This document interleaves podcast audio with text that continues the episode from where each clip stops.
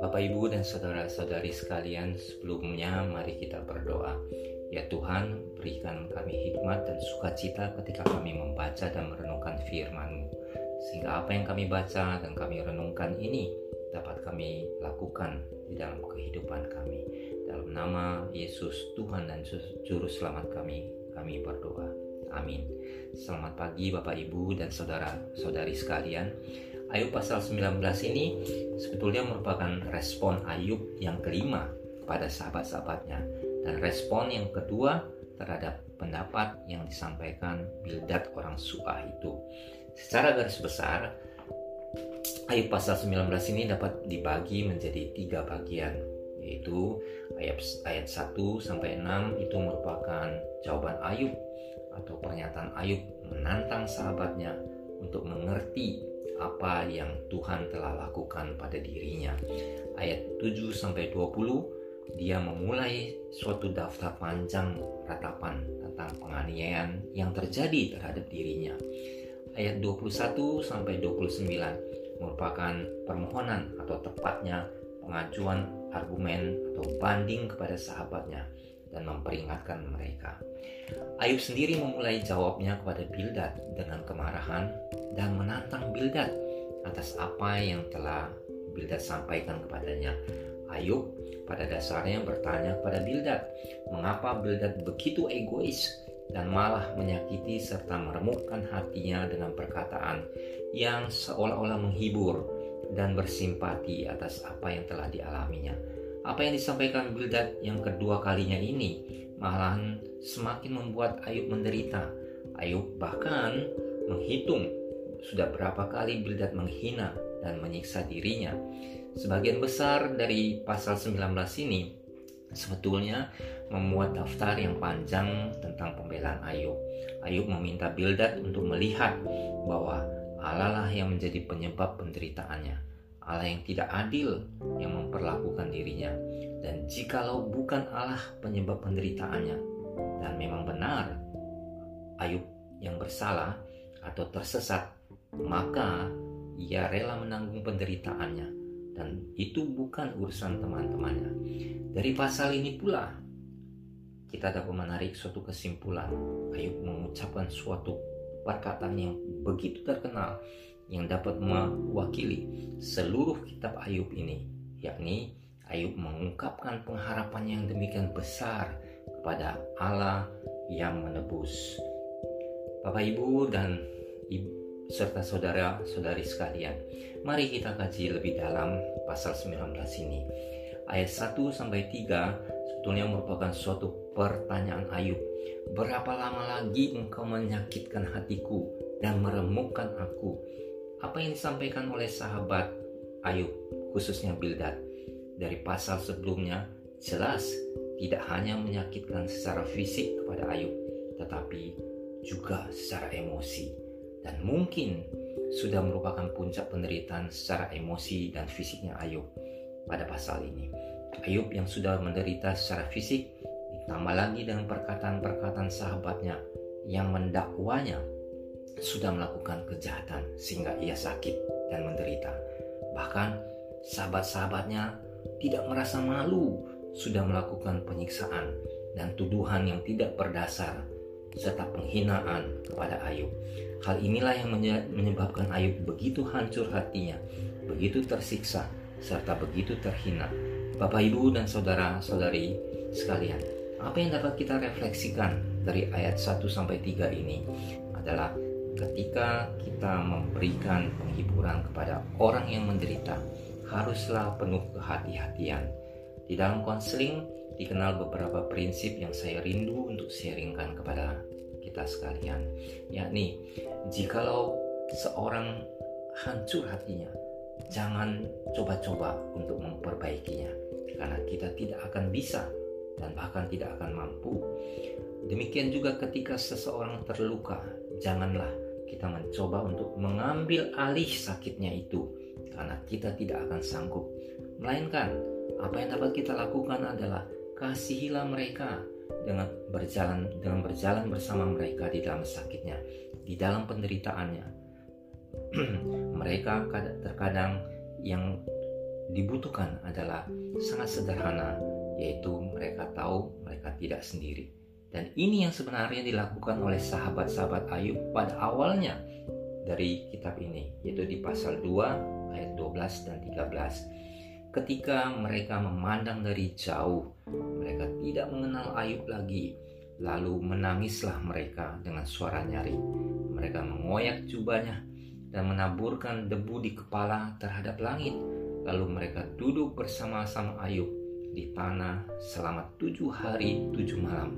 Seorang pun tidak mengucapkan kata-kata kepadanya karena mereka melihat bahwa sangat berat penderitaannya. Ini adalah suatu implementasi dari empati yang luar biasa yang pernah ada di dunia ini. Dan justru ini dicontohkan di Alkitab. Tetapi Ketika teman-temannya mulai berkata-kata, maka terjadilah hal sebaliknya. Ayub bukannya terhibur, melainkan semakin menderita, semakin merasa dihina. Tentu kita perlu ingat ada pepatah yang mengatakan, mulutmu adalah harimaumu, karena apa yang kita lontarkan melalui ucapan ada kemungkinan akan menyakiti orang lain. Tetapi sebaliknya, karena Tuhan sudah menaruh perkataannya di dalam mulut kita. Sebagaimana di Yeremia 1 ayat 9 maka kita juga dapat memberikan kedamaian, penghiburan, kekuatan dan sukacita kepada mereka yang menderita. Dan Tuhan sudah menjanjikan itu di dalam Amsal 16 ayat 24 dikatakan perkataan yang menyenangkan adalah seperti madu manis bagi hati, dan obat bagi tulang-tulang. Inilah yang menjadi pembelajaran kita. Ayub 4 sampai 22 adalah tentang Ayub membela diri dengan mengatakan bahwa Tuhan membencinya sedangkan yang lain menolaknya.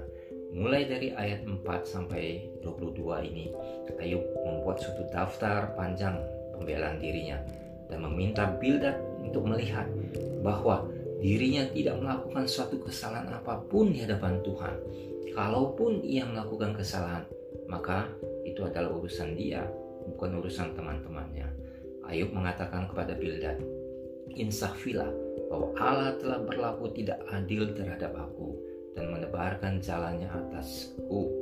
Bahkan Ayub berteriak kelaliman, tetapi tidak ada yang menjawab. Ingat Bapak Ibu dan saudara-saudari sekalian, bagaimana Ayub menjaga kesalahan hidupnya di awal kitab Ayub ini disebutkan bahwa Ayub adalah orang yang saleh dan jujur, takut kepada Allah dan menjauhi kejahatan. Bahkan ia mempersembahkan korban bakaran jika anaknya sudah selesai berpesta. Karena Ayub berpikir, mungkin anak-anakku sudah berbuat dosa dan mengutuki Allah di dalam hati dan ini terus dilakukan Ayub.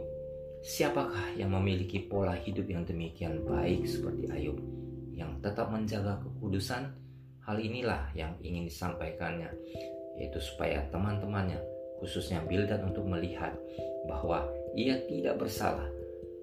Penderitaannya bukan karena kesalahannya melawan Allah atau hidupnya yang tidak benar di hadapan Allah. Bapak, Ibu, dan saudara-saudari sekalian, Meskipun Ayub membela dirinya dengan mengatakan bahwa Tuhan tidak adil terhadap dirinya, menutup jalannya dengan tembok, membuat jalannya gelap, menanggalkan kemuliaannya, merampas mahkota di kepalanya, membongkarnya sehingga lenyap, dan menganggapnya sebagai lawan Allah.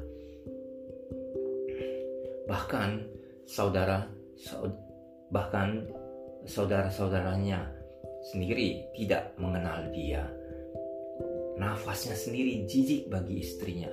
Budaknya pun tidak menyaut dia. Semua teman karib muak terhadap dia. Dan mereka yang dia kasihi melawan Ayub bukan dan semua yang dia kasihi melawan Ayub. Hal ini bukan berarti Ayub ingin berargumen untuk menyampaikan bahwa ia melawan Allah. Karena Coba perhatikan baik-baik di ayat ke-21 dan 22 di mana Ayub memohon kepada sahabatnya untuk mengasihani dia karena tangan Allah telah menimpa dia. Mengapa pula teman-temannya Ayub ini seolah-olah mereka adalah Allah? Mengapa pula teman-temannya ini malah mempersekusi Ayub? Ayub tahu dan mengerti betul bahwa dia tidak bersalah di hadapan Tuhan dan Tuhan ada di pihaknya. Ayat 23 sampai 29 Tuhan penebusku hidup. Bagian ini merupakan perkataan Ayub yang paling terkenal dan yang boleh dikatakan dapat mewakili dari seluruh kitab Ayub. Tuhan penebusku hidup. Ini merupakan puncak dari pemahaman Ayub bahwa ia memerlukan seorang perantara, seorang penebus meskipun Ayub dengan keyakinan bahwa ia melakukan hal yang benar di mata Tuhan dan menjaga kekudusan hidupnya. Tetapi pada akhirnya Ayub sadar bahwa ia tetap memerlukan seorang penebus yang dapat menebus dia dari kemungkinan berbuat dosa. Dan ia ingin memberikan pesan penting ini yang dia tuliskan secara permanen untuk anak cucunya, termasuk kita saat ini. Bahkan melalui semua penderitaannya, dia tidak pernah kehilangan harapan karena Tuhan tetap ada di pihaknya. Ayub 23 27 dan penebusnya yang hidup yang akan membenarkannya. Walaupun kehidupan Ayub hancur berkeping-keping, Ayub memilih beriman kepada Tuhan. Pada akhirnya, matanya sendiri akan menyaksikan Tuhan yang membenarkan dia. Ayat 25 sampai 27 dengan sangat berani menyodorkan kepada kita pernyataan iman Ayub di puncak penderitaannya.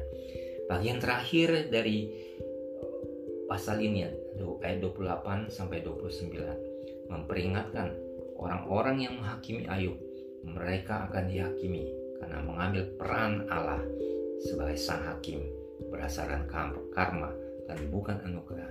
Ayub mengingatkan bahwa mereka pun pada akhirnya harus berhadapan dengan pengadilan Allah tanpa anugerah dan tak ada harapan bagi mereka. Tanpa anugerah Allah, tidak ada seorang pun manusia yang cukup baik dapat lolos dari pengadilannya. Inilah yang menjadi perenungan kita dari Ayub pasal 19 ini. Kiranya Tuhan menebus kita yang menebus kita yang hidup, memberkati dan menguatkan kita sekalian. Dalam keadaan apa pun, kita tidak kehilangan harapan serta tetap teguh di dalam iman kita kepada Kristus menebus kita yang hidup ini, yang memihak kita dan memelihara kita, dan yang tidak pernah meninggalkan kita sendirian. Amin.